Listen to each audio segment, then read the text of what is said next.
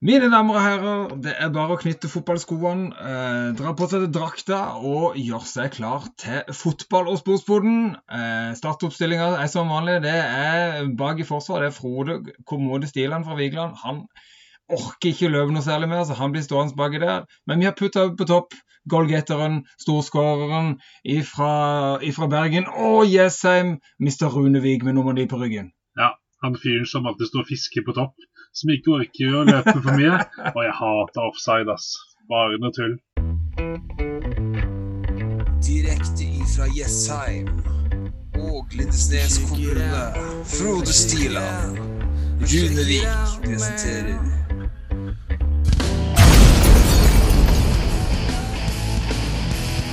Sportsboden, en podkast om engelsk fotball.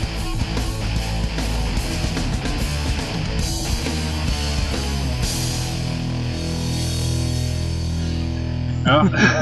det er bra. Ja, vi er good to go her fra sportsboden. Vi har masse gøy vi har lyst til å gjennom. Nå har vi eh, lagt opp eh, kampoppsettet. Vi har strategien klar. Vi kjører i gang med kickoff, som vanlig. Let's go.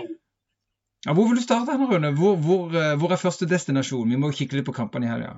Skal vi se. Jeg legger ned kartet over London, og så tråkker jeg oppå det. Og så skal vi se her, må bare finne retningen her. Tråkke litt med beina opp på kartet. Og så ser vi, der er Emirates stadion. Vi drar og ser ja. Arsenal, Ja, ja, Newcastle. Ja. Ja. ja, det var jo et oppgjør eh, som Det var litt gøy å se. Det var et oppgjør Jeg så den kampen, og det var artig å se Ødegaard i startoppstillingen, faktisk. Det var godt å få den tilbake igjen der. Ja, det var det. En liten pause. Så det er jo ikke så rart Lacassette har vært ganske god, og laget har gjort det ganske bra en stund nå. De fikk en liten dupp eh, forrige kamp, men ellers er de i god flyt, faktisk, tror det eller ei. Og er på en eh, Nå ble det en femteplass etter å ha slått Newcastle 2-0. Et lag de bør å slå, da. Det er ikke Det er helt sant. Det er et lag de bør å slå. Det var som du sa i analysen eh, når de hadde sitt tap forrige runde. Det er litt sånn eh, Det er, New, det er Arsenal sånn som det er nå. De vinner litt, og de taper litt. Det er ikke noe De går ikke de går ikke ad undas sånn som det er nå. Det, det kommer og går litt, og det var forventa. Eh, og eh, fin ja, men å Sakas sin mål, da. Det var, det var en fin goal. Det var en veldig fin mål, og det var, det var som kommentatoren sa, det var et Arsenal-mål. Det var kombinasjonen Nuno Tavares. Det var eh, eh, det var masse, ja, masse kombinasjonsspill. Det var vel 15 trekk før ballen lå i kassa omtrent. Og- flotte bevegelser, og ballen gikk klikk-klakk, Ja, altså. det var nesten som å se Wilshere og de gutta der på sitt aller beste når eh, de holdt på. Så det var, det var gøy å se. Og I tillegg så kom jo Martinelli inn og eh, produserte et mål med assist fra den andre bekken. Nå var det ikke Tavares, men det var Tomiyasu, høyrebekken, som virkelig har eh, stått fram. Så det var eh, gøy å se. Men Ja, vi må ikke det- glemme, vi må ikke glemme eh, Aubameyang sin bom, da. Ifra Nei, eh, hva var det? Det er sant. Fem meter eller noe sånt. Så, det er en sånn bom en ikke glemmer. Jeg tror bare det er Tor André Flo som har stått nærmere mål og skutt over i sin tid på det norske landslaget, som jeg kan erindre, men det var jo eh, det var kjempebom. Men heldigvis ubetydelig da, for Arsenal. Det hadde vært mye verre hvis det, de lå an til å tape eller eh, få uavgjort mot Newcastle. ja, og det Jeg har jo sett noen eh, så Det var vel TV 2 var flinke å finne klipp fra folk som hadde bomma på lignende sjanser. Eller større. Og eh, Sergio Cunaguero bomma på én, og det var en ball som var på bakken. Dette var jo Denne Aubameyang fikk, var jo lufta. Men det får meg til å gå over til neste kamp, for det at Brighton Brighton Leeds. Skal vi hoppe over til den, eller har du mer på hjertet? På Jeg har ikke mer på hjertet, annet enn at uh, Ikke annet enn at uh, dette nedrykksspøkelset, altså. Det har virkelig hjemsøkt uh, Hjemsøkt disse stakkarene bort på St. James' Park. Det er litt sånn Jeg vet ikke hva det, det, Nå hviler veldig mye det, det så jeg veldig mange plasser prata om, og det er jo sant. Nå kommer det to kamper for Newcastle hvor de absolutt har muligheten til å få noe ut av. Det er en midtukekamp mot Norwich, og det er en kamp i helga mot Burnley. Her bør de vinne. Ellers så så er det virkelig den uh, rikeste klubben i verden i championship, altså. Det ser dårlig ut uh, for Newcastle sin del. Ja, De ligger jo seks poeng bak uh, Leeds, som ligger på trygg grunn. Og det er nå, og det er mange kamper igjen før du kommer til 1.1 og du kan kjøpe inn noen spillere. Så det er eh, Og du, Jeg- jeg og du, du vet, og du vet jo at Eddie Howe, når han kjøper spillere, så kjøper han Dominic Solanke, så kjøper han uh, Jordan Ibe, så kjøper han Brad Smith, venstreback på Liverpool. Uh, du har ikke hørt om Brad Smith omtrent, du, Frode. Altså, det, er, det er spillere her som er uh, Ja, nei, får håpe at det er noen andre i klubben her òg som kanskje kan være med litt og styre. Så de får noe, Ja, effekt med en gang, liksom. Ja.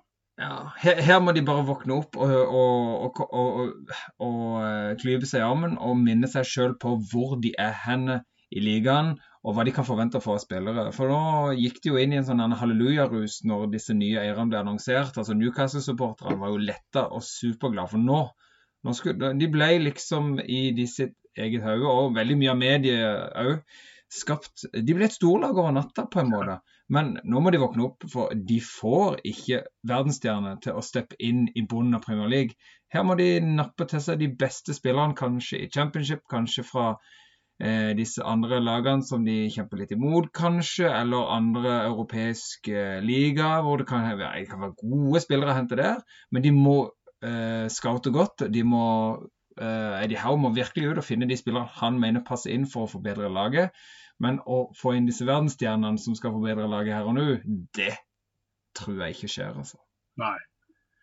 Nei, nei, da pakker Men vi nok om det. Ja, da pakker vi snippsekken, og så drar vi til Brighton. For jeg var inne på kjøret der. Jeg hadde Ja, du var det. Du Ja. starta med Brighton så vidt. Ja, Ja. fordi at eh, når vi snakker om Aubameyang-bommer, så hadde Neil Mopay hadde òg en ganske lik situasjon, faktisk, som han bommer på. Så det var, eh, vil jeg påstå, ja, var ikke så langt unna. I samme kategori. Det må, Og, det må være veldig godt for Aubameyang.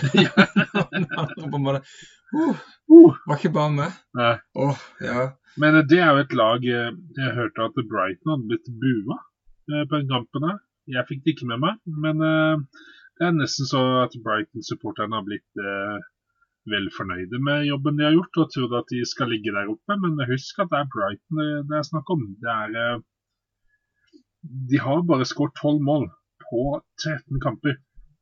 Så du kan jo kanskje ikke forvente det store. Og kanskje det de burde gjøre, gjøre da i januar bruke penger på en skikkelig toppspiss. Altså De har en Trossar som er eh, utrolig god offensiv spiller, men en som kan banke inn noen mål. Litt mer sånn eh, Zapata kanskje på Atalanta eller et eller annet. Men de Ja, ja, drar vel ikke til altså- Brighton. Det er vel det. Nei, det er det.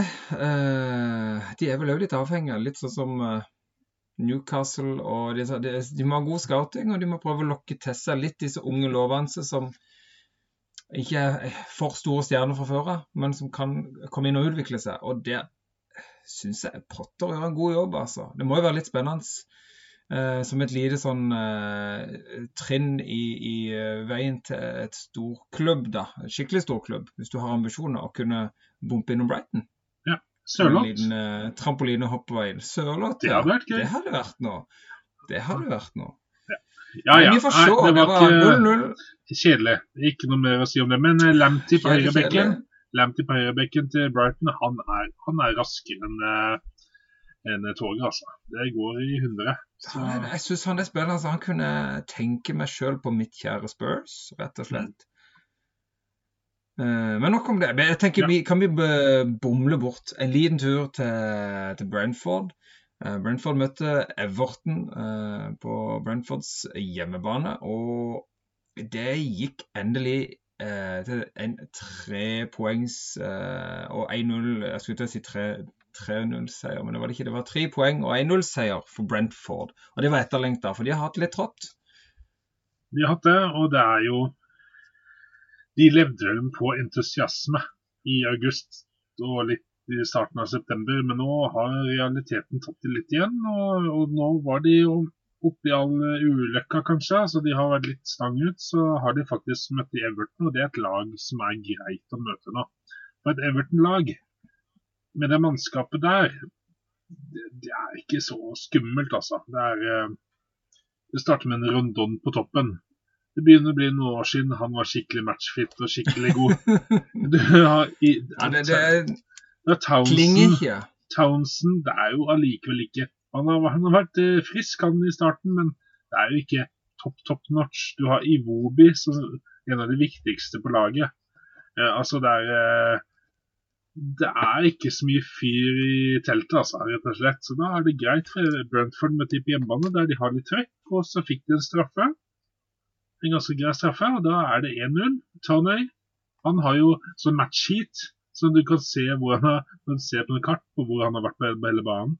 Så har han vært over hele banen. han jobber skikkelig for laget, og da fikk han målet sitt, og det var godt for de. Heier på det. Ja. Jeg så eh, Var det Premier League, eh, Studio Norge, eh, som TV 2, som tok han inn på, på rundens lag, blant annet pga. det. Ja. Eh, men det er, viktig for Brentford. altså. Jeg syns det er gøy, gøy å ha Brentford der. Vil gjerne ha de oppe. Men jeg er jo veldig skuffa over uh, Benitez og Everton. Altså, de mista helt piffen. De famler litt i mørket akkurat nå. og det er som du sier, altså På papiret har de et godt lag, men de har òg på papiret en, en gjeng med spillere som er veldig enten-eller. Altså eh, Det er mye, det er mye skader, da. Eh, Det er mye skader nå. Du har Dominic Calvert-Lewin som hadde spilt. Han hadde vært rågod med den der innleggsfotballen til Rafa. Du har en eh, Charlison. Hadde han spilt, så har det vært noe skikkelig mye mer krydder der. Så du har jo noen spillere der. Men når de må gå ned et hakk på laget, så er det plutselig veldig tynt. da. Allikevel så føler jeg altså Sånn som Townsend Husker du fra Tottenham-tida? Han var jo enten enorm, eller så var han helt høn uten hode. Ja, Eh, han- han var ikke bærebjelke. Ja. Han var ikke bærebjelke, nei. Uh, nei, Vi får se uh, be, om, om Benitez bare er på sånn snave sitt, men han har alle muligheter til å kunne få lov til å bruke litt penger i, i, januar, han òg. Men de er inne i en dårlig trend i Everton. Tre på viktige poeng til Brentford. Heia Brentford, sier jeg bare. Heier litt på underdogen, gjør det. Men nå kan jo alt snu neste kamp, da, for neste kamp er ikke en vanlig kamp. Neste kamp på onsdagen 1.12. Etter du har sett på den nye julekalenderen til NRK, som ser faktisk ganske spennende ut, det gleder jeg meg til, så er det Everton-Liverpool. Everton-Liverpool. Altså, uh, jeg, så, jeg leste en artikkel. Eh, Uh. Dirk Coit, eller, eller Kaut, som eh, kanskje Alsaker ville sagt. Eller ha, Dirk Høy- høyt. Eh, han har en sånn artikkel i en avis om um, og, uh, som han har, og Der skrev han om uh, eh, disse oppgjørene Everton-Liverpool. At de, de, lever sitt eget liv, og han har vært heldig og putta litt og sånn. Eh, da snakker evighetsmaskinene, som Tony kunne løpe over hele banen. Men, men i hvert fall, han uh, snakker om Rafa Benitez, og taktisk Altså, Han hadde alltid de planene for alle mulige situasjoner i kamp. Og nå Everton har møtt Liverpool, så sa han at du kan garantere at Benitez han har noe ess i ermet, altså noe han har virkelig tenkt på hvordan de skal demme opp, i hvert fall, for Liverpool. Men som han også sa, men det har sikkert Klopp på det. Han er ikke akkurat en dårligere manager, han, for å si det mildt. Så her er det to Det blir, det blir sånn oppgjør på siden som kan bli ganske spennende. Hvis ikke bare Liverpool Ja. feier over hele skiten. Men, men det vet man aldri. Det De lever sitt eget liv. vet man aldri. Det er det de gjør. De kampene der, de lever sitt eget liv. For det er en helt annen gnist. Eh, Det er en helt annen atmosfære rundt disse kampene. Mm. Altså, alle som har vært på et sånn type eh, Noen vil kalle det hatoppgjør, andre vil kalle det det, det er jo et derby. men det er en- en Intens, intens ja, altså, Apropos Du får jo ikke mer nabokrangel enn det de har der. Neida. altså. Jeg, jeg er husker close du får det. Ja, det er sant. Jeg husker jeg sto øverst eh, på main stand, ene, en av de, den høyeste tribunen på Anfield. Og da sto jeg der, og så så liksom på ut på baksiden, altså mot Stanley Park, den parken ved siden av. Da så jeg ut gjennom vinduet, og da ser du Goodison Park på andre siden. Du ser er skiltet der det står Goodison Park. Og Det var ganske stilig å se deg så close. Og når vi gikk tilbake fra stadion og til eh, sentrum i Liverpool, så gikk vi gjennom eh, ja, gikk gjennom eh, parken her, og du, som du merka at her er det Det er like mye Everton-land, på en måte. Så det er, eh, det er, eh, Og det og det er jo det som gjør det litt òg, da. For det, det betyr så mye for fansen. For det, er jo naboen de møter, som er på det andre laget. Og det betyr så eh, utrolig mye å, Ja. å, å ha det overtaket over, over de, for du får høre det resten av året hvis ikke. altså. Jo da, men, men igjen da, så er det òg litt varme mellom de, det er det som er så fint. Du har hatet som er det, men det er òg det derre Du kan se på enkelte husvegger og sånn, der de holder liksom eh, ja, Remember the Justice, altså de 97 nå som gikk bort, da. I Hillsborough og sånn. Du ser eh, bilder av eh, en far og en eh, sønn, kanskje faren i Liverpool-drakt bakfra, og sønnen i en eh, Everton-drakt, og så holder de liksom holder eh, hendene sammen. Det ser på sånn bygnings... Og du, du har Carragher, som er egentlig Everton-mann fra bunnen av, som har prata masse om det. Du har masse, masse Liverpool-gutter som kommer, så det, så det er likevel noe. Og de samler seg når det kommer til store, viktige sånne, sånne medmenneskelige ting. Men når det kommer til fotballen, ja da er det Duncan Ferguson og tenna i med gebiss og full trekk og ja, go, go. Ja, go, go. Det, blir, det er alltid gøy å se, se disse derbyene. Om ikke resultatene alltid er eh, superbra og det skåres mye mål, så er det jo alltid noe Det burde være, iallfall. Ja, så Eh, håper, jeg, noen så, håper, sugganstaklinger Ja. og gule kort. så håper jeg at eh, Pickford ikke er i nærheten av van Dijk. Det skal ikke være noe eh, Ah, åh. reprise fra hva som skjedde forrige sesong, så ja. Nå har- følte jeg en jinx der. Altså. Ja, det er akkurat det. Nå føler jeg du jinxer den totalt. Nei, det blir dødsbra å se. Nei, Eh, apropos, nå er vi inne på Liverpool. Vi er i området. Kan vi ikke liksom bare svippe bort en tur til Anfield eh, og se om eh, om eh, vi kan få et lite referat ut av det som skjedde der, Rune? For det var jo det var jo, jeg vet du, Er det det vi kaller overkjøring? ja, nå er vi live inne fra en film Nei, jeg skal ikke Jo, nei, altså herlighet, hva var det Jota, Jota gjorde? Han satte seg ned og lot som han spilte PlayStation.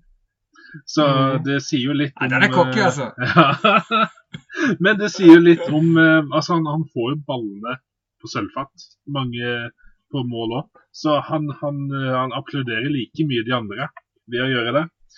Og Tiago hadde en skuddfinte før han smalt til, og ja, det var en deflection, men det er jo Tiago begynner å spille seg varm i trøya, og en uh, Alexander Arnold som er sist igjen. Og så der. Ja. Nei, jeg bør Ja. ikke si mer, for jeg blir så høy på pæra, så nå må kanskje du si noe? Ja, nå må du jekke det litt. ned. Jeg vet du, bare si uh, Altså, jo. Uh, Jota har veldig gode spillere rundt seg. Det gjør vel òg han. Uh, at hans jobb på en måte skal være enkel, men allikevel. Han må stå der. Han må vite hvor målet står, han må vite hvor sjøl han skal stå.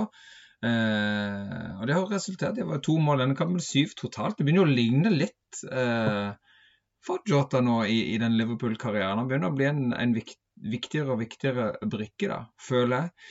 Men det er jo så deilig å se på og hvordan de spiller fotball, og hvordan denne ballen bare er limt i beina de sine. Hvordan de bare vet når de får ballen, hvor de skal spille den etterpå. De trenger ikke se engang. De kjenner hverandre så godt. Hvordan bevegelsene er. hvor... eh, det, det er liksom bare magisk å se på. Jeg kan ikke se eh, Liverpool noe annet enn en, en topp topp to i år, altså. Jeg tror bare kanskje tre. Det kommer litt an på. Det, det er bare Det er City, det er Chelsea og det er Liverpool. Det er ferdig snakka. Jeg kan ikke se hvem som skal hamle opp med de, hvis ikke Pickford er ute der og, og rører litt i feltet. Vi får se. Fysj. Det Nei, men- er bare sånne ting som kan stoppe det akkurat nå. Nei, men Da drar vi rett til City, gjør vi ikke det? Vi drar til Jo eh, da, det kan vi. Etihad. vi først har hatt de på tunga, Mm. det er Har du sett målene, eller? Vet du hva, jeg har eh, sett målene, det har jeg. Og eh, det var interessant der var jo at det, det, eh, det ble, At det ble avgjort så seint. Altså, det hang li, li, litt, i, litt i en tynn tråd. Ja, det var jo Gundogan som putta eh, først. Og så hadde jo Fernandinho i 89. minutt. Fernandinho, altså, han, Ja. han, han Han får er ikke kjent for å være storskåren. Nei, altså får litt spilleminutter òg, liksom. Han kom inn i, i 86. minutt, og så skårer han i 89. Da er du ganske ganske grei, da. Og det er, det er gøy da at han får lov å bidra litt. Eh, Men jeg må ikke glemme Lanzini, som putter i 90. Nei. minutt. Det er sånn for déjà vu mot eh, Tottenham, liksom. Altså, der han skårer par mål i sesongen som er helt uh, breathtaking, og det er et av de målene her, altså. All ære.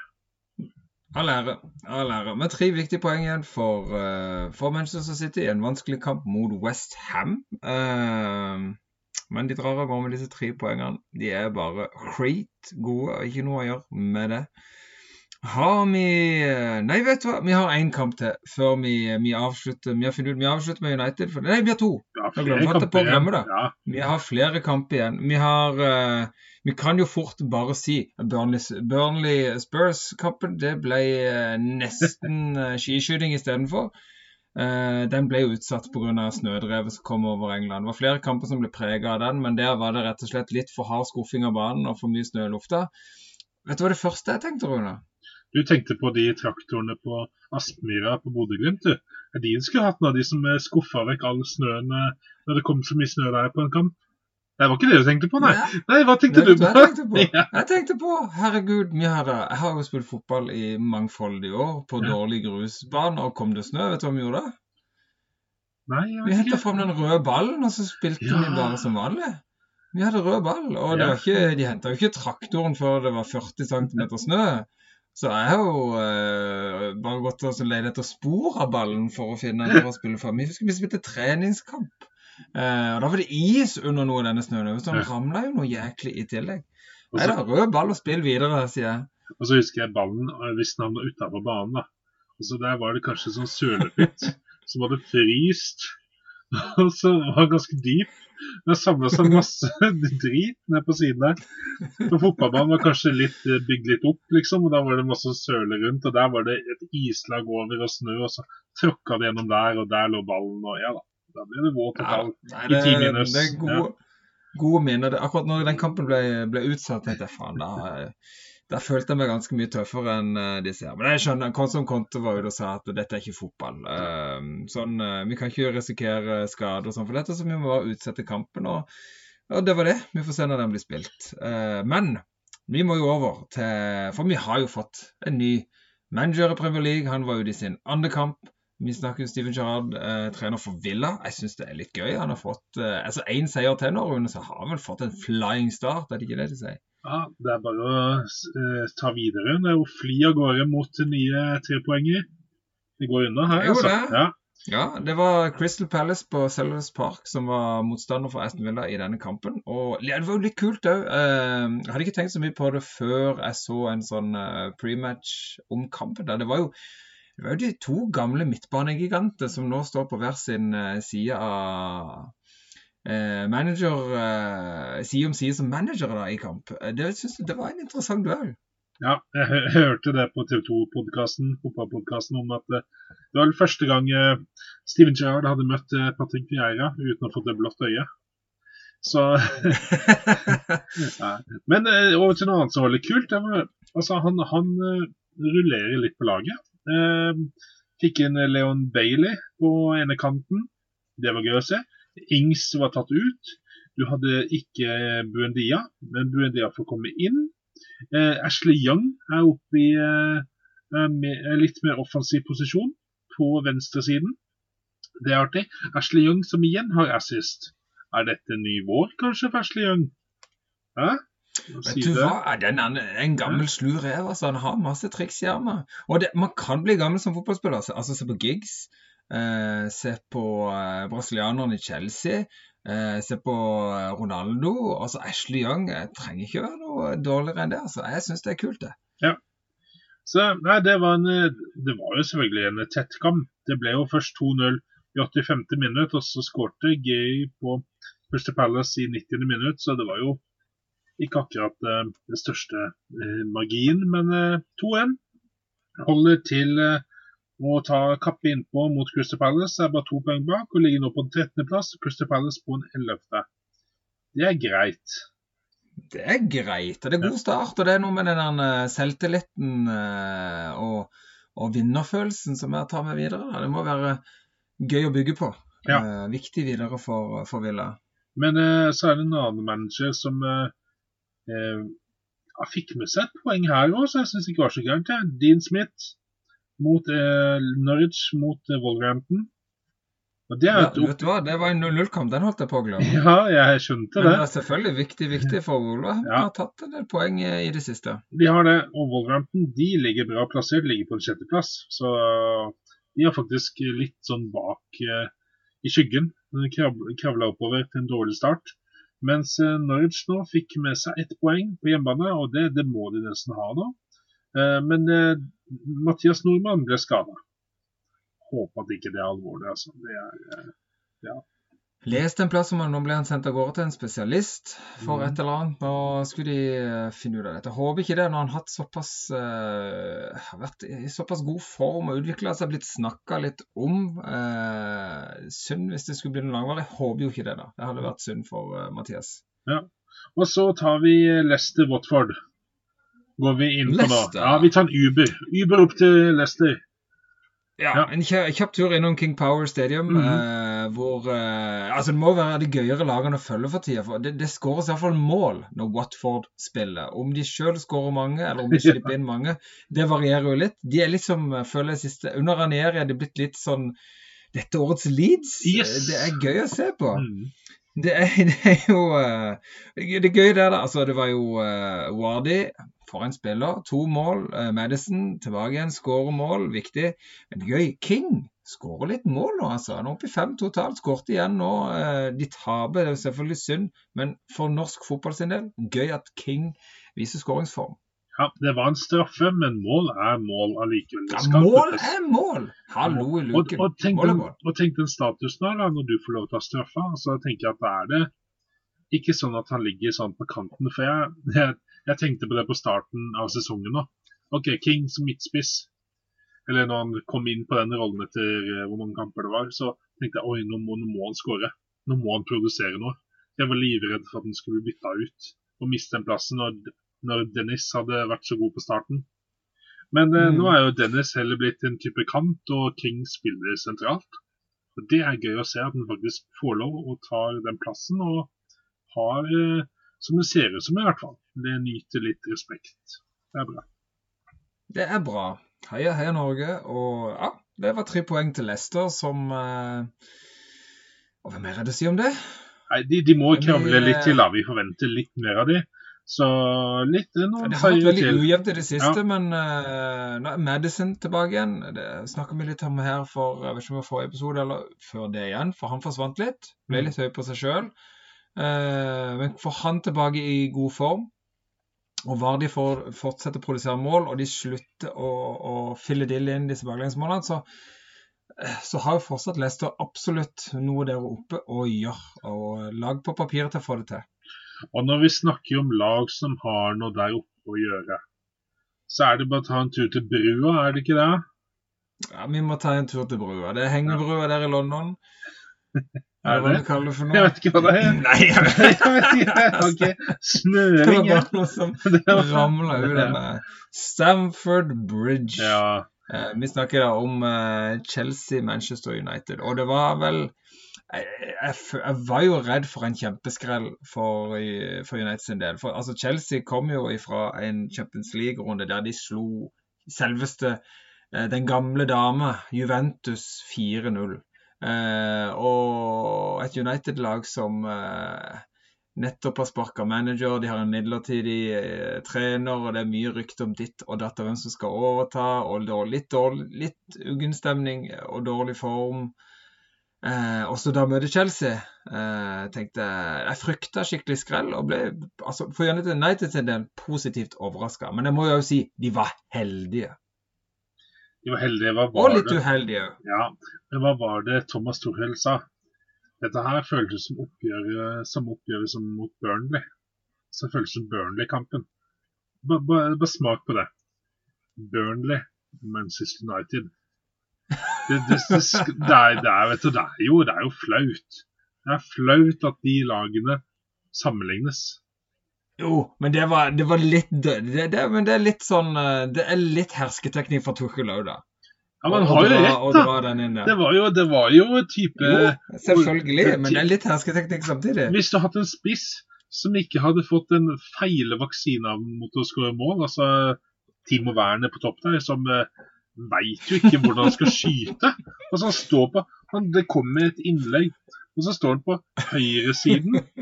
Så Ja da, nei da, du, du prøver ikke med venstrefoten, som er mest naturlig da for å skyte den inn. Men nei da, du skal bruke høyrefoten, og det er greit, det. Men du skyter jo, også på prøver fra utsiden av foten, og ballen fikk jo tilbake i samme retning som den kommer fra.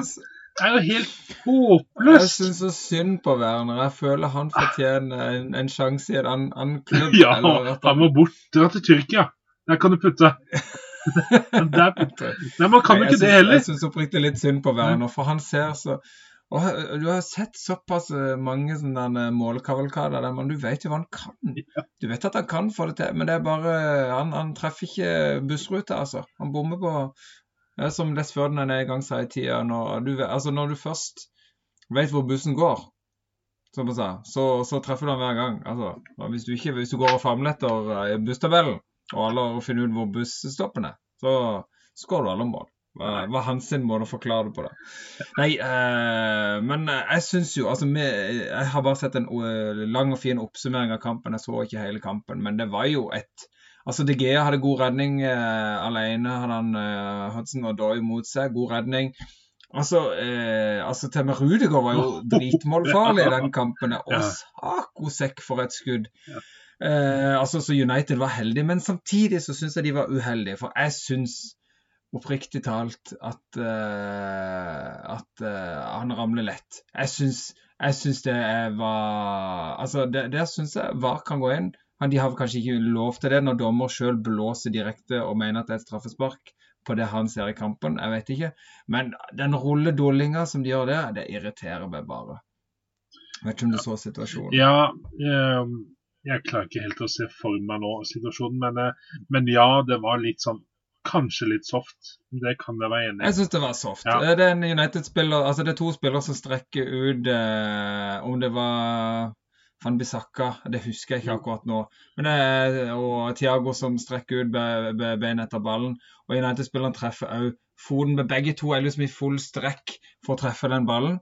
Eh, I en sånn klarering. Det er ikke sånn at han sparker ned uh, Tiago der. Jeg syns det å ha å, Tiago rolle og skrike som om han har blitt stempla i uh, juleskinke, holdt jeg på å si. Og det føler jeg er feil av dommeren, faked å dømme straffe, og der var de litt uheldige. Men hallo. Eh, Men ikke de var noe tvil om at det var Ja, men de var utrolig heldige med målet, i hvert fall. Der Ja, var det det var som det. det var en hjerneblødning av Gi- Jorginho, i hvert fall. Ja, ja, det var Sånn, det. eh, Han var, for å si det mildt sagt, meget uheldig. Og endelig for Sancho sin del òg, da, fikk han jo muligheten uh, Og han lukta han tidlig. Det var pine for en fart eh, Sancho hadde der å, å, å pressa på. Eh, så han hørte nok fo- fottrinnene til, til Sancho og var litt nervøs der. Nei, det var, det var nok også for Sancho å få det målet. Det kan være dette kan snu litt for, for Sancho å få få kjenne en mål eh, og målfølelsen. da. Ja, det, Men 1-1, det må jo være United som roper høyest hurra for det resultatet der, for å si det mildt. ikke hvis du spør eh, han godeste mm, Michael Carrick. Han var misfornøyd, han. Nei, Han var var, misfornøyd. Det er helt sant. altså, ja, altså, ja, hvis du ser et større bilde Manchester United, da skal du kanskje være litt misfornøyd. Men, men hvordan de spiller nå, og hvordan formasjonen var, med tre ganske defensive McTominay, Matic og Fred på midten der Du ser de legger seg De spiller på det de kan, da, akkurat nå. Jeg Ja, skjønner men det. du så på taktikken. eh, Taktikken var jo Det er jo meninga med å bruke disse raske Ja. spillerne som Sancho. da. Her var det å, å demme opp for det angrepsvåpenet som Chelsea er, og kunne kjøre overgang. Og nå var det jo selvfølgelig dritheldig med at eh, om, eh, om han klødde på ryggen, eller hva Jorginho gjorde der han Ja. bomma på ballen, så hadde, hadde det en effekt. De fikk mål på den. Det var en uh, lang klarering, og de suste fram i angrep. Mm. Det fikk uttelling. Ja, det var Men bra. eh, En annen ting jeg, som, som er helt Jeg syns det var veldig bra uh, pressa av Sancho og Rashford. Og det er bra at uh, San, Sancho ikke sentra til Rashford. For Rashford, han, han var klar til å gå offside, han. Altså, han, han løper jo fortere omtrent enn Sancho, så jeg bare, der må du bare roe ned litt på sylinderen. Og så må jeg bare synes at Torell var god i ettertid òg, for han, han syns kampen han, han var veldig fornøyd med gutta sine. Og det han holdt det til det. Det, det jeg så av intervjuet, i hvert fall. Eh, så det, det er veldig bra at han, at han syns rett og slett kampen De spilte en bra kamp. Men det var som, men det var som den Burnley-kampen. De fikk bare ikke det siste som eh, skulle inn, liksom. Men eh, ja. Ja, ja, ja. Nei, det de har eh, Selvfølgelig, eh, Torkel vil vinne, men eh, Og han er, han er dyktig, ikke sant. Selvfølgelig han går inn og skryter av spillerne sine, men de spiller en god kamp. Ja. Eh, hadde absolutt sjansene til å, til å ta dette, men keeper var god. Sjansen gikk i mål, og det er, det, altså, det er mål som vinner fotballkamper. Uansett og, og godt du spiller, så må ta med seg det de får. Men det skjer jo spennende ting i United. og Det har vært snakka om dette navnet nå lenge. Og jeg har hørt det navnet før. Eh, flere ganger med noen anledninger. Aller eh, undersøkt veldig nøye. Jeg kikka litt nøyere på dette navnet eh, rett før sommeren, for det var en mann som var en av de 150 000 eh, aktuelle for Tottenham-jobben. Jeg var vel en av de som snakka mest om en liten periode før de da landa på eh, Santos, eh, Nuno Santos. Men Ralf Ragnhild Ragnhild, eller hva det blir. Eh, nå er jo ikke vi kjent for å være lingvistisk eh, superdyktige, men eh, vi satser på Ralf Ragnhild. Ja. Han er nå kommet inn i United offisiell i dag som midlertidig eh, trener ut sesongen, i alle fall. Og det er et litt spennende navn når man begynner å grave litt i hans historikk. ja eh, og han har jo kontrakt ut sesongen, ja. Og så skal han være konsulent videre. Det eh, for å få den nye manageren inn. Så han, eh, han var vel ganske tydelig på det. Han ville ikke bare være der en kort periode og så ut døra. Han ville på en måte ha en jobb der videre. Og han har ikke alltid vært heller manager heller. Han har vært sportsdirektør òg, i klubber òg. Så det er jo en eh, i, i Red Bull-dynastiet, både i Leipzig og Salzburg, så var han jo da en sportsdirektør, faktisk. Det Det var han. I tillegg til å være trener vel i Leipzig i to Stemmer. perioder, er ikke det? Ja. Så det er jo en fyr som har mye kompetanse og uh, har påvirka mange. Det har han. Jeg var så heldig. ja. jeg, jeg kom over en sånn derre type Jeg kalte det et slektstre, men det var ikke langt unna. Det er, øh, det er hvem Du har gått virkelig i dybden, Rune. Ja. Du, du har tatt det tyske statsarkivet for å Nei, jeg har gjort noe så enkelt så jeg har gjort et Twitter-søk. Det har gjort, og så kom jeg over en artikkel. Og Der var det om hvilke han har påvirka eller vært i kontakt med på en eller annen måte. Av, eh, av manager eller av spillere eller etc. Og alle Jeg har hørt intervju med Klopp f.eks. Han fikk en, eh, fikk en forespørsel. Hva tenker du om at eh, Ralf Ragnhild nå er i, skal til Manchester United hvis det skjer? Og da sa han at det er synd for oss. For de får en utrolig bra fyr. En veldig god manager og en bra person.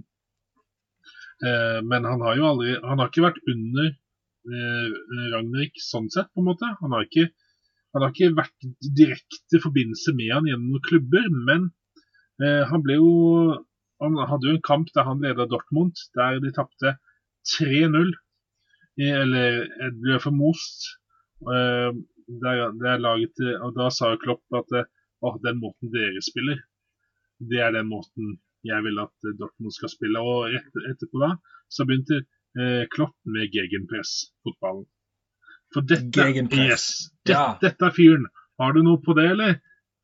Angående Nei, gegenpress? jeg bare, det, var, det var et ord jeg har hørt Mm. før. Eh, nevnt i, i, i en sammenheng. Jeg har aldri kunnet knytte det til, til noe. Nei. Men eh, han, eh, han har jo en, en fotballstrategi som er visst ganske sånn ekstrem, da. Eh, altså, du skal ha possession, og mister du possession, skal du ha den tilbake igjen med en gang. Eh, det er ikke snakk om å, å falle tilbake i formasjon og, og være stilt opp. Det er, det er rett på sak. Det er såkalt gegenpress. Og det er visst et uttrykk som er lagt fra han. Det er hans filosofi, Ja, har jeg skjønt. det er, hans, det er han, han som har de grunntankene. Men han har jo òg blitt påvirka av en som jeg pratet om, det, El Sacchio. Eh, han har blitt påvirka av Arrigo Sacchi, den italienske treneren. Eh, så det kommer jo det, kommer, det er jo flere her som Alle blir påvirka av, av alle, på en måte. Men ja, Han blir jo på en måte sett litt som eh, gudfaren, i hvert fall i tysk fotball, som gegenpress, høyoktanfotball, heavy metal-fotball, som Klopp etter hvert har brukt som sitt uttrykk. Men det er jo det det går på. og altså, bare, bare, bare han, Det starta jo med jeg, Nå siterer jeg Lars Sivertsen sin eh, podkast. Eh, han var i, i, eh, i 96 så var han i et TV-studio for eh, å prate om eh, hvordan, han spilte, hvordan han styrte lag. Og Da satte han opp laget i, med en firer bak, og med den der offensive presset og alt det der. Og Det er noe tyskerne ikke var vant til i 96. De skulle spille med tre bak. Husker Lotta Matheus? Så Yes. den sviperen bak. Eh, Det var liksom det som var greia. Kanskje to markeringstopper ved siden av, og så har du wingbacker. I Sarasu og Ja, ja, ja. de gutta der. Det, det var jo oppsettet til Tyskland. Det er Yes. den sviperen, ja. Så det, det var det gjerne en treig sweeper som hadde full kontroll på pasningene Og sånn strødde de, og så hadde du noen gode spillere rundt med duellstyrke. Så Vet du hva? Jeg husker vi møtte et tysk lag på Dana Cup, Oi. og det husker jeg ennå. De hadde sviper. De hadde sviper bak, og vi ble rundspilt til 1000. Ja, det, det blir jo som en Ja. dyp midtbanespiller, bare du putter den enda lenger ned. da. Dyp midtbanespiller Ja. er vel libero, er vel ikke det eh, Var ikke det denne rollen ble kalt før? Det hørte Ja. Det erindrer noe på det, altså. Ja. Nei, altså, det, det er jo en veldig, veldig spe altså, det er jo en spennende manager, og jeg har jo, jeg kun, jeg har jo sett mannen, jeg har jo hørt om mannen, men har eh, ikke kommet i dybden han før på måneden han var aktuell for Tottenham. Han var jo også inne i bildet med, med Newcastle. Eh, men det var jo Manchester United som har lokka han fram fra managerdvalen, da. For han har jo sittet som sånn sportsansvarlig i Lokomotiv Moskva, Det er vel det siste stedet han kom ifra. Eh, og du ser jo, Det er sånn mann du på en måte du føler Når jeg så et bilde av nå tidligere da, når han på en måte var offisielt klar for United, eh, trykka inn med noe United-logo rundt seg. og så Han har en sånn aura over seg. da, Han ser ut som en sånn bein. Han er hogd ut i stein, altså. En veldig fin stein. da, Det var en veldig eh, kjekk gammel kar. Og det er jo òg en ting. Han er ikke sånn som disse andre, andre managerne dine drar inn nå for tida. Dette er en 63 år gammel mann som hadde sin første trenerjobb tilbake i 83. ja, ja, ja. Eh, ja. Men han har masse kompetanse. Han har et godt rykte. Han er beinhard. Han kjører en beinhard spillerstil, og det var og noe av det første noen eh, Jeg så flere skrev, skrev nå. Nå kommer helvetesuka for United-spillerne. For her skal det trenes. Her skal det opp for dette presset her. Eh, og arbeidsinnsatsen, den skal opp. Og det er ikke noe om eller noe men. Her er det Ragnhild som- bestemmer på godt og vondt. Og det kan jo bli spennende å se når du har Ronaldo, Pogba og Dollys-gjengen og co. ja. For vi har snakka om at Conte at han, eh, at han går ikke forsiktig dørene. At han er veldig tro mot det han sier. Vel, denne fyren her, han har jobba Altså, han, han fikk lov til å han, han, er god til å bygge opp en hel klubb, han, hvis han kan få lov til det. Han gjorde det med, med Hoffenheim. Fikk de til å bli en eh, eh, eh, Rykke opp, opp, til, opp til Bundesliga, og fikk de stabilt eh, der. Og når ikke eieren ville spytte inn mer penger, nei, da gadd ikke eh, Ragnhild. Nei, da stakk han. Eh, han var han var i Schalke 04. Eh, han, har, eh, han har vært i Stuttgart. Og han har kommet litt på klinsj med nesten alle. På et visst punkt så har han gjort det. Nei, for det er Ja. en beinhard type. Ja, beinhard. Han er knallhard. Han forhandler ikke med noe. Ja, så, men så, så hadde de når Red Bull da, skulle lage lag rett og slett i dynastiet sitt med både Salzburg og, eh, og eh, Leipzig, så fant de ut ok, han er dritgod. Han er utrolig god til å bygge en hel klubb fra A til Å. Så de ga han ok, vi gir deg mer penger. Vi gir deg enda mer enn det du fikk i, Ja, ja. i Hoffenheim. Så bygg opp enda mer. Vi stopper ikke vi med en 11.-plass, 7.-plass i eh, Bundesliga. Vi skal opp. Og da fikk han lov til å pøse på enda mer. Og eh, det har resultert i, eh, i, eh, i den eh, historien av, eh, av klubber som kommer fra ingen steder, egentlig. Og, Mm. og, og bare tenk på navn som han har vært innom, da, påvirka til å bli Han var den som sa til Torell når Torell eh, la opp pga. at han ikke hadde knær til å spille. Så, så sa han ja, men kan ikke du Du må i hvert fall være trener, da. Du må i hvert fall det. Han har vært i han har, Bare hør på navnet. Eh, David Wagner, Huddersfield-manageren. Eh, du har eh, Julian Nagelsmann. Eh, vi kan ta Thomas Thorhell. Eh, Per Mertesaker, som eh, har vært i hatt relasjon med. Vi kan eh, ta Marco Rose, som nå er i Dortmund. Eh, vi kan ta skal vi se, Jesse Marsh. Han er vel i nå ja, Hvor er han nå? Han har vært i Salzburg. Det er stort, stort eh, trenertalent. Ralf Hassenhotel. Og så har du jo eh, ja, Thomas, ja, Thomas Tuchel og Mirko Slomka i Schalke 04. Altså, det er så mange av de som kommer opp nå, av de nye store managerne, som han har på et eller annet vis vært litt borti. Eller sagt noe, Ja. jobba med et annet nivå. Så det, er det Nei. jeg får, jeg får, bare siste ting. Jeg får han til jeg, eh, Dette blir veldig snevert. Men han ser ut som en crazy professor. Sånn derre Han her, han kødder ikke med. Og, og, og noen har kanskje sett filmene, men jeg får litt sånn følelse av eh, Hydra i eh, Captain America-filmen. Sånn derre nazi Nei, men, eh, men, men, men sånn, ja. men, men, nei, nei, men sånn gæren, men genial Ja, Genial, ja, men gæren. Genial. person Mm. som du vil gjerne ha på din side. Ja. Så stopper vi der. Nei, det, det, ble jeg som merker for for Uniteds del. Uh, Syns jeg dette virker spennende. Men så er det jo det på en måte Det er jo ingen tvil om at eh, han har solgt seg inn. For han vil være med å bygge United-klubben videre. Eh, og ingen tvil om at han har en trenerkompetanse òg, men at det er en annen som skal inn. Eh, nå ryktes det jo igjen om at eh, PSG har sagt, eller noen der mener, Kilde mener at Pochettino kan få lov til å gå til sommeren, kanskje.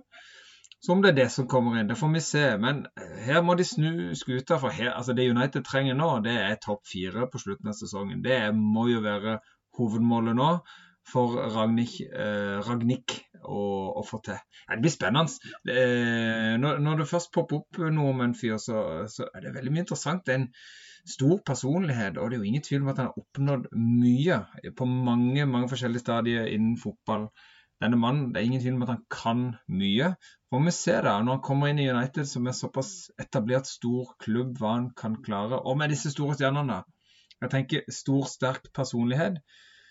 Eh, store, sterke personligheter i garderoben. Altså, og når disse store, sterke personlighetene eh, klinsjer med hverandre, eh, da bør Ragnhild være den som er stødigst for å bygge lag. Så får vi se. Eh, det, der tror jeg det var der det skorta mest for Solskjær. Eh, som han kanskje har òg tatt med seg videre da, når han skal da bygge sin trenerkarriere videre. Eh, men jeg tror det var der det skorta. Det ble for mange stjerner i det, i den garderoben. Så gleder jeg meg til å se de bildene fra treningsområdet til United. Der han Ralf står på ene siden, og Cristiano Ronaldo står med hendene i kors og har den disputten. Det er bare glede, gleder meg til å se hvordan det, hvordan, hva som kommer til å skje. Jeg har de bildene i hodet. Det der blir stygt, altså. Men ja. Det kan bli stygt. Det kan fram bli stygt. Ja, ja, ja. Vet du hva? Det var en, uh, vi måtte en liten tur innom Ralf. Vi må bli litt kjent med han. Spennende å se hva han kan få til. Uh, men vi må dra en heit eller teit helt på slutten. Kan vi kjøre fram uh, gassgrillen, Rune? Eh, vi må hedre noen. Noen må bli slengt på grillen, for noen smaker rett og slett veldig godt for tida. Hvem er det du vil eh, gi en tommel opp, Rune, denne runden? Ja, Denne runden her så gir det, det en blanding til, eh, til to stykker. De kan dele den. Det var koselig å se. Det var Madison og Vardy. Eh, Madison med mål og to målgivende. Nå var de med to mål. Eh, hadde ikke vært for Vardy, så hadde det vært tre Liverpool-spillere på topp tre på toppskårerlista, så han sneik seg imellom der. Eh, da fikk jeg frem det òg. Men, eh, ja. Men Madison òg, herlighet, virkelig. Han, nå er han i sigen. Det er gøy å se. Kul spill. Det er Ja. gøy å se. Eh, Godt for Madison. Nei, vet du hva? Jeg har, eh, jeg har et lag, men ikke fordi de har prestert så sinnssykt bra, men fordi de kom med en, en kul nyhet. Noe som jeg har savna bitte lite grann. For det er å være supporter eh, og skal støtte laget sitt og kjøpe supporterutstyr, det koster altså. Og jeg husker når jeg var liten, eller liten og liten, men når jeg begynte å følge med skikkelig på fotball, 8-9-10, begynte å ha lyst på litt drakt og sånn, så kosta det 400-500 kroner da. Og det var mye penger. Nå koster ei ordentlig drakt, hvis du skal ha det nå, om ikke du skal ha eh, player, eh, eller hva det er for noe de kaller det. Noen lag opererer, noen, eh, opererer jo med to forskjellige drakter. Altså en tilskuerdrakt og en ordentlig original spillerdrakt. Altså det er jo, det er jo 1000 pluss. Eh, og jeg syns det er helt crazy. Og det er en ny drakt hver sesong. Og de som eh, heier veldig, de ønsker seg denne drakta, har lyst på den. Kjøper drakt hvert år til det hvite ut av øya. Men Brentford, fotballklubb altså, de har bestemt vi skal ha samme design på drakta neste sesong òg. For uh, våre supportere sin del. For at ikke de skal uh, de, Det skal være noe forskjell på de da, For at det ikke skal være uh, noen som føler seg utenfor, uh, som skal tyne lommeboka for å få den drakta de har lyst på. Vi kjører samme drakt neste år. Så det er jo en miljøting oppi det hele, da. Uh, for det Og jeg, husker du en gang i tida, Rune, så på 90-tallet så var det faktisk sånn. Man måtte ha uh, samme drakta over to sesonger. Det var en periode på 90-tallet, det var det. Det erindrer jeg. Ja, Så det syns jeg absolutt flere klubber burde gjøre. Jeg syns det. Kjør drakta to sesonger. Jeg vet at det ikke kommer til å skje. Fotballklubbene trenger å tjene penger. De tjener penger på draktsalg. Men dette syns jeg absolutt fortjener en tommel opp. Jeg hiver Brentford på grillen for det. Så hiver jeg to andre lag på, på, i fryseren pga. draktene. Jo, oh, skal du høre. Motepoliti fra Jessheim. Ja, fra Jessheim òg. Det er eh, Brighton Leeds. Altså, jeg har eh, Jeg har ikke det beste fargesynet. Det husker jeg fra militæret, fra førstegangstjenesten der. Eh, så var jeg på rekruttskolen i Madla, og der var sånn test. Du skulle se de tallene, sånn masse farger og prikker og sånn. Og der scorer jeg ganske dårlig på akkurat fargesynet. og det og jeg må innrømme at jeg sleit litt når jeg så litt på Brighton Leeds. For det var altså, sånn blå-lilla toner på begge draktene.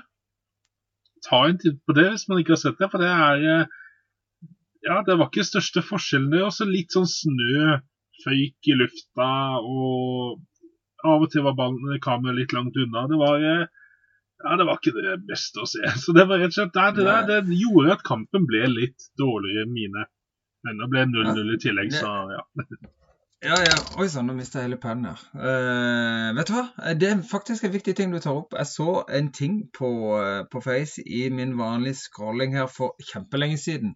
Men det var en organisasjon i England, eh, en eller annen eh, organisasjon for folk med uh, Ja, uh, om de var fargesvake eller eh, hva de hadde for noe. Men det fins ganske stor andel av av folk som sliter med å se fotballkamper for det pga. Ja. noen fagkombinasjoner funker ikke. Og de har kjempa så lenge, men de får ikke noe medhør i, eh, i ligasystemet i England for eh, å kunne forandre på draktene som de brukte i kamp, for at det er de som ser på. Det er ganske stor andel publikum som sliter med å, å følge med på kampen pga. sitt uh, fargesyn. Så det er absolutt et pro eh, større problem, faktisk. Og så tenker jeg at eh, OK, har du er kanskje da Sånn som her var greia at eh, eh, bortedrakten til eh, Leeds var blå. Og da sliter du mot Brighton, altså spiller i en type blåish farge. Og da måtte, Ja, ja, ja. De, da måtte de ha en annen type altså Der blei alt litt for likt. Og da, da tenker jeg OK, da bør tredjedrakten være så knall. Altså, du har jo Tottenham, nå har jo den i drakten sin. Liverpool har hatt noen varianter av det innimellom. Altså det er, um, om det er helt gult, som sånn McDonald's uh, gult, liksom, eller hva det er. Altså, skaff en drakt som er så synlig, da. Så du, uh, du får sett det uansett.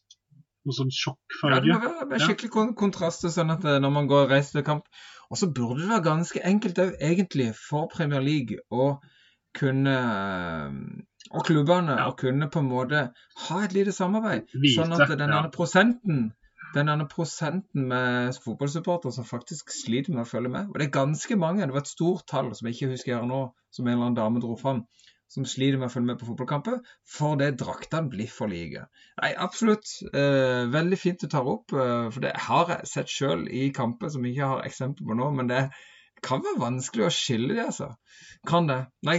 Ja. Eh, veldig interessant. Vet du hva? Jeg har et lite rødt kort, Rune. Jeg må bare få det ut. Ja. For det er i, i, i scrolling, sånn som vi gjør, du og meg, som følger veldig mange fotballsider på Facebook. Eh, vi scroller mye der, vi scroller mye her, og det dukker av og til opp sag og ting eh, som vi hører litt på, som vi ser litt på. Og noen ganger så så Jeg vet ikke om jeg misforstår, altså, men jeg kom over eh, en video fra eh, noe som heter VAR-rommet. Er du kjent med det, Rune? ja, så vidt det er. Jeg har vært innom. Ja. Ja. Eh, jeg har ikke sett mye. Jeg har sett noen sånne småklipp uh, fra VAR-rommet. Dette er en eh, Er det en eh, vlogg-aktig sak? Det er TV 2, det. Er det ikke det? Det er TV 2, Ja, det er Ja. han Randulla. Han er trikseren. Han har, det er, går på TV 2 Play. Du finner det på gamle Sumo. Så finner du varerommet der. Ja, det gjør det. Ja. Nei, det Jeg er, har ikke sett det er mye. Litt sånn sett det litt her og der, og ja. det er litt morsomt og, og her og der. Og jeg, jeg regnet meg òg egentlig det innslaget jeg så, skulle være morsomt. Men jeg, syns ikke det var det. For jeg syns det var rett og slett uthenging og, og mobbing av en fotballspiller. Det var et, et klipp der han han, han, han rund Altså, han eh, snakka Maguire så ned til de grader og kalte han forrædersk og trakk fram det ene eksempelet etter det andre. Og det er godt mulig dette var humoristisk beit, men jeg syns det bare ble eh, Altså, Maguire har hatt en ujevn sesong. Han har hatt sine eh, store tabber og, og det til her og der. Men eh, jeg syntes altså han er eh, Sander Randulle, som han eh, kalles. Han heter vel Sander Dale, som jeg har fått ut av her. Jeg har ikke sett mye av. Det kan godt være at dette her bare var humoristisk ment, men der og da så syns jeg det var jeg, må, jeg måtte skru av. Jeg så ikke hele, hele innslaget, for jeg syns det ble rett og slett for mye. Så jeg, jeg syns at eh, det må vi òg Når vi prater, vi må huske det. Det er selvfølgelig vi er, vi er subjektive. Vi, vi prater våre meninger. Eh, men det er derfor vi har denne, denne såkalte fryseboksen. For vi, vi, vi kjøler det ned litt grann, for at de skal komme opp igjen og kanskje være litt bedre. Og Ja. det har jo hatt en tendens til å gjøre. Vi vil ikke altså prøve å understreke. Det kan godt være vi har forsnakka oss litt grann, og vært litt eh, kan godt være Rune har eh, kjørt litt for hardt på når han snakker om Ronaldo. Det kan godt være jeg snakker Nei. Arsenal-spillere litt for mye.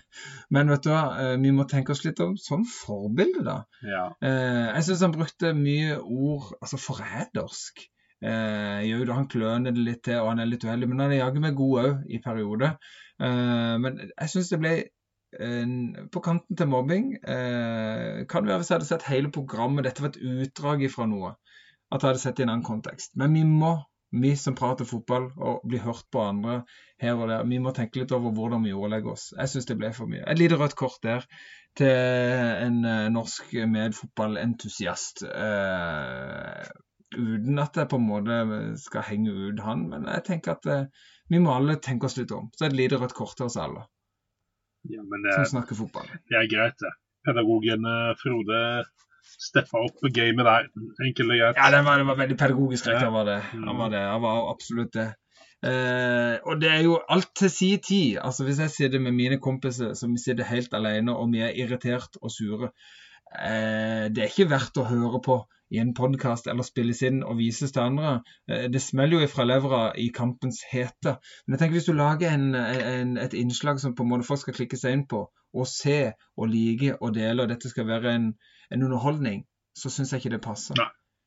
Rett og slett. Men det var min lille røde kort. Jeg syns det var verdt å prate litt om i dag. Men eh, før eh, du eh, Nei, vet du hva, dette er viktig. Dette må du ta hver gang, så skal jeg ta dette her jeg har å si etterpå.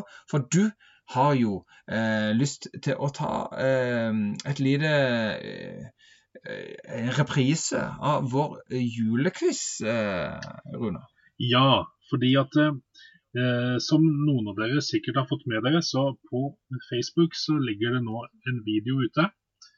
En video av oss glade amatører i sportsboden der vi har en adventsquiz, eller som jeg kaller det, jule-adventsquiz. og der eh, og I den sammenhengen her så tenker jeg at dere som er lojale hører på hele, hele episoden vår på podkast her, dere kan få lov til å høre det en gang til. Og, ja, og husk det. Hvis dere Greia er at jeg leser jo da ifra boka 'Hvem er hvem?' eh, i engelsk fotball 96-97. I den boken finner jeg en spiller som spilte da. Godt hende spilleren spiller ennå. Det kan hende. Det er ikke så mange av de, men det finnes noen av de. Eh, og da leser jeg om spilleren. Jeg prøver å ikke nevne alt, men jeg nevner jo noen ting, for det skal være en lavterskelquiz. Og så nevner jeg spilleren, litt statistikk, litt informasjon. Og så er det bare, no eh, bare å gi oss tilbakemeldinger på hvem det kan være. Om det er på kommentarfeltet, under videoen på Facebook, om det er eh, under et bilde vi har lagt ut, På Instagram. Instagram, ja, eller direktemeldinger, altså kontakt oss på den måten du tenker. Så er det med trekningen av en liten eh, jul, jule fra sportsboden, rett og slett. Helt nydelig. Ja. Helt nydelig. Ok, da går vi for det. Eh, skal vi se. Dette her er en spiller som eh, er 1,78 høy, 73 kilo. Det er viktig å få med seg. Som om alle vet høyden og vekta. Eh, Ligadebut for Manchester United mot Coventry i 94. Har vunnet FA Youth Cup i 91-92. Kan man jo tenke på en klasse, kanskje. Eh, en rolig og behersket høyreback, eller stopper faktisk den gang, med høy fart og taklingsstyrke. Har fortsatt mye å lære i den offensive delen av spillet. Har opplevd en linkarriere, og var kap kaptein på Uniteds juniorlag. Da han fikk sin første A-kamp i 93-94-sesongen. Og til og med uten å ha vært innom U21-landslaget, som ble kalt inn til Terry Venables sin A-landslagstropp ett år senere. Faktisk som mora til David Beckham som fortalte om det. Dette er en fyr som kommer fra en skikkelig idrettsfamilie. Har en bror, må nesten nevne det, siden jeg nevnte allerede. En bror som har spilt både back- og midtbaneposisjon. Uh, og i 95-96-sesongen så spilte han 30 kamper. Spilte både høyrebekk og stopper. Noen uh, variable prestasjoner. Og røk faktisk ut av laget helt mot slutten av sesongen. Men eneste United-spiller på årets lag i Premier League. Hvem kan dette være? Send svaret. Ja. Bli med på en liten konkurranse. Så kommer det en ny adventsquiz. Eh, Etter vi har trukket dette her på søndagen, så kommer vi ut med en ny eh, video. Smekk. Og da kanskje vi skrur opp nivået litt, så det blir litt heftigere. Oh, you never know. Ah, Ja. You never know. Ja, deilig bok. Eh, jeg har lest den noen gang eh, hos deg når jeg har vært på besøk. for å si det sånn. Det er lett å trekke ut og begynne å mimre litt. Det er bra nostalgi. Eh, veldig bra, Rune. Vet du hva, Før vi ryker på eh, Fantasy til slutt, jeg må bare nevne jeg har et lite innkast. Et lite dobbeltinnkast, faktisk. For det er gøy å følge litt med herene og derene. For engelsk fotball er deilig. For det er jo ikke bare i Premier League det skjer. Av og til i Championship, av og til langt nede i Ratataship. Eh, nede i eh, i, eh, I England så skjer det gøye saker og ting. Eh, og en, altså, en side som er gøy å følge, det er, det er BBCs eh, Match of the Day har en egen side på Facebook. og De legger mye, masse om Premier League. viser videoklipp fra Match of the Day og disse podkastene de har. Veldig gøy med Lineker, Shearer. Micah Richards, men de legger òg veldig mye om det som skjer i championship og nedover. Kamper, spillere og gøye hendelser. For vet du hva, i England skjer det jo Det er akkurat som å lese lokalavis i Norge. Eh, det var rett og slett en fotballkamp eh, i England eh, hvor eh, det som har vært på Start stadion noen ganger, hver eneste gang. Altså på 2000-tallet var jeg veldig tidlig 2000-tallet var jeg mye og så Start spille kamp. Og Hver kamp var det alltid en sånn uh, lyd over høyttaleranlegget. Er det noen som eier en blå Mercedes uh, PX, bla, bla, bla? De må flytte, for de står i veien. Uh, eh, det skjedde hver eneste startkamp jeg var på. Alltid en annonsør som måtte be noen om å flytte bilen. Men så var det en kamp i lavere divisjon i England eh, mellom eh, eh, Hva var det det var? Jeg må bare leie det fra meg. Curson Ashton og Chester. Eh, etter sånn ca. 15 minutter så annonserer de at en bil eh, med det og det og det må flyttes. Som da eh, ender opp med at dommeren må stoppe kampen. For det var rett og slett dommerens bil som sto feilparkert. Dommeren må ut og flytte bilen før han kan fortsette å dømme kampen. Jeg syns den var deilig. Jeg syns det var nydelig å få nevne, og det gjorde min da iallfall bedre når jeg hørte den historien. Eh, jeg vil også trekke fram at det var en kamp i lavere divisjon i England hvor en, eh, en spiller eh, som også er elektriker, måtte hjelpe til når lysanlegget eh, begynte å svikte. Da måtte jeg jo på kampen, og denne spilleren eh, trådde til, fikk fiksa dette flomlebelysninga, og kampen gikk videre. Deilig nytt fra England. Ellers så, helt til slutt, vil jeg bare nevne at i championship er det gamle, store stjerner som begynner å våkne fra sin dvale. Andy Carroll skårte mål igjen for Reading. Vi nevnte jo her i en podcast-episode for litt siden at han hadde fått ny klubb, ny kontrakt, nytt liv i Reading, som ligger akkurat over nedrykk, eh, nedrykksplass der. De slo Swansea 3-2, og ikke bare skåret eh, Carroll-mål, men òg gode gamle Daniel Drinkwater kom på skåringslista for Reading. Så eh, heia de, altså. Eh, Gamle gutter, har fortsatt litt krutt i fotballstøvler. Jeg tror ikke de bare drikker vann, for å si det sånn, etter den seieren der. Det er helt Det, sikkert og det tviler jeg på. Eh, nei, det var litt, litt nytt derifra. Vet du hva? Nå er vi klar for litt fantasy på tampen. Ja. Og Jeg må bare si en ting først. Um, det har jo vært um, Ballon d'Or akkurat ja! nå. I kveld. Ja, og eh, nå må Jeg tenkte jeg skulle nevne litt, for jeg ser at Erling Braut Haaland kom på 11.-plass på kåringa. Og det syns jeg er utrolig bra. Noen skulle kanskje hatt den høyere, men herlighet, hør på navnet som er under han, da. Det er Lukaku, som var en eh, hit i Inter. Det er Chiellini, Bonucci, Neymar, Suárez, Bruno Fernandes, Harry Kane, Phil Foden og Ruben Diaz. Det er de navnene. Så jeg vil påstå at det 11. er- plass er bra. De det er Donnarumma på 10., Mbappé 9., De Bruyne 8., Sala eh, 7., Ronaldo 6. plass. Kanté nummer 5. Det er eh, kult. Det er kult. Eh, Benzema, ja, Benzema nummer 4. Jorginho nummer 3.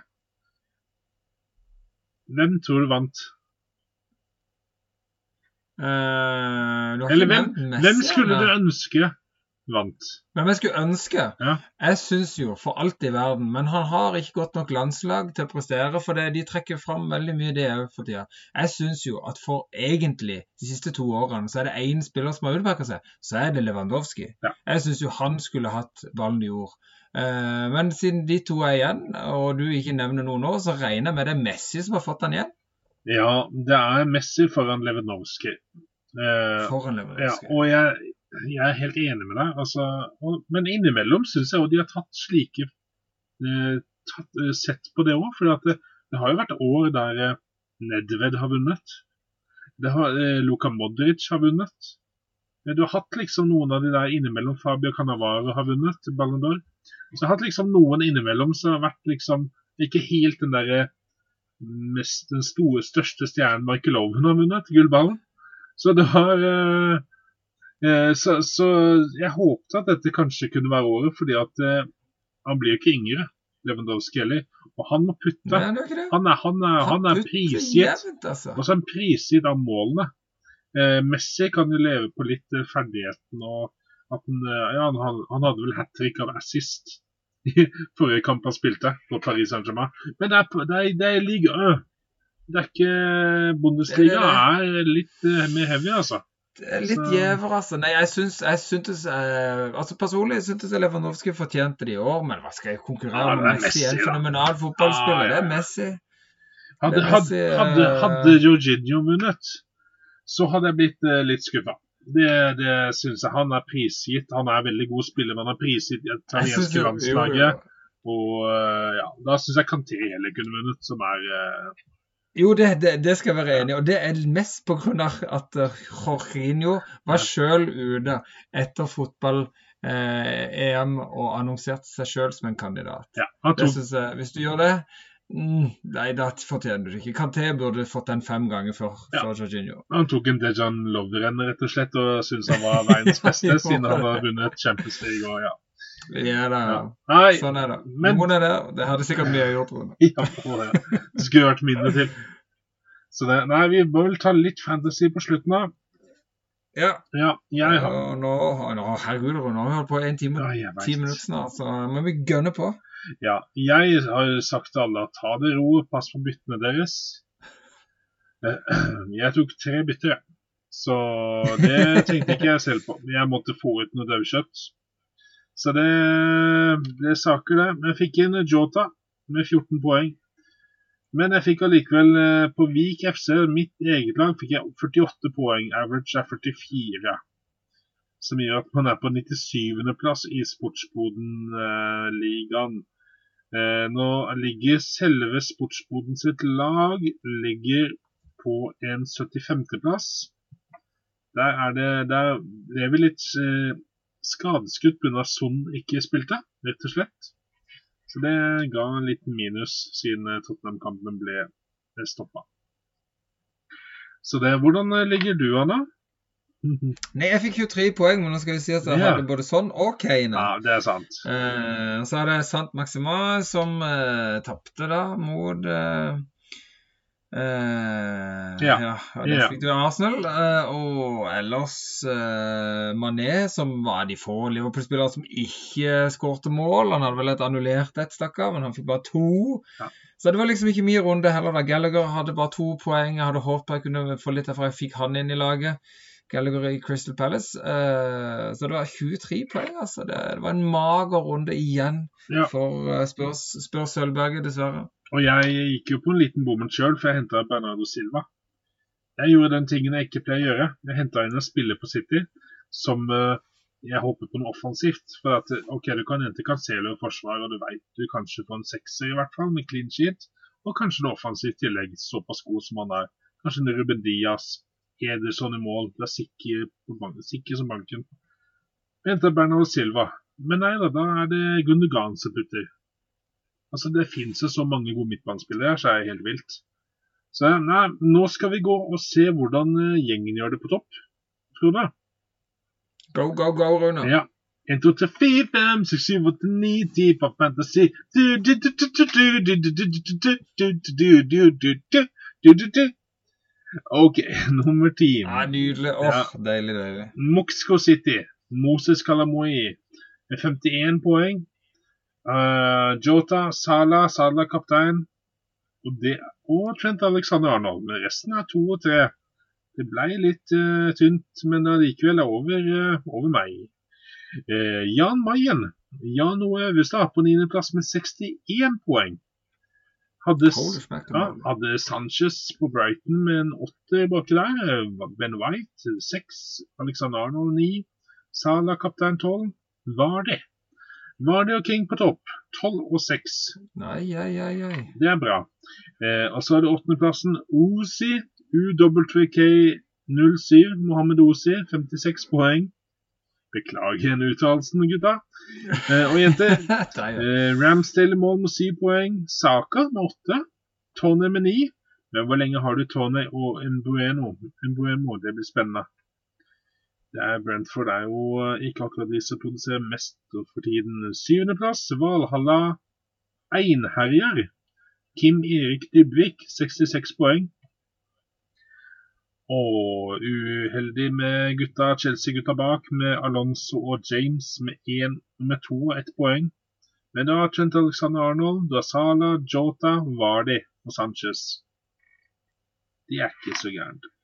Så har vi Brentford and Butter. på Sjetteplass.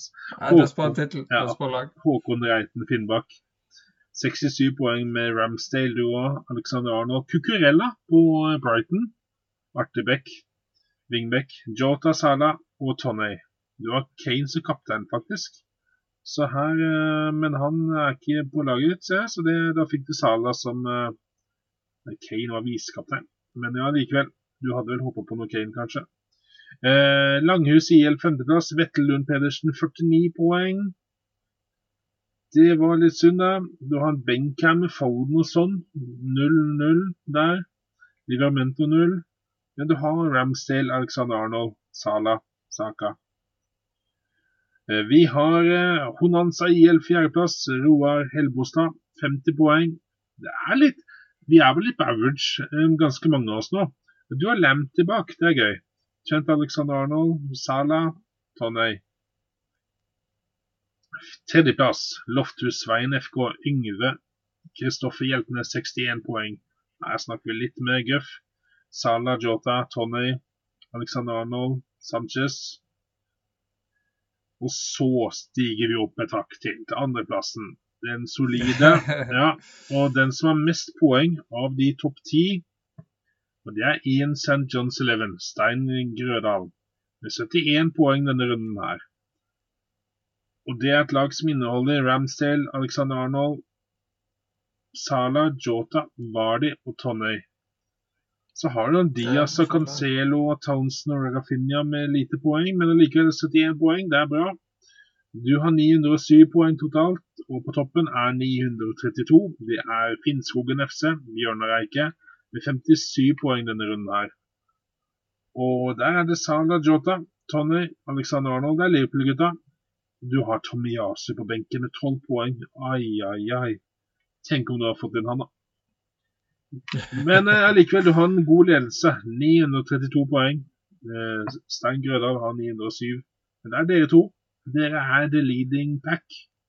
Så følger vi andre etter og nyter skue av deres poengfangst. Ja, Runde til ja, runde. bare bøye seg i støv Ja. for oss også, under, underliggende ja, og så- amatører. og så er det å tenke på at det er kamper.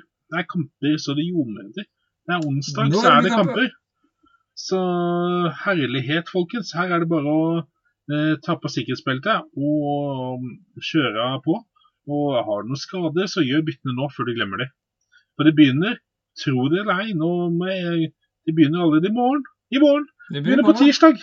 Seriøst! Jeg må gjøre bytte. Ai, Ja, ja, ja, det er bare å sette seg ned med en gang Ja. Og få dette på plass. Få det på plass. Få det på. Kjør!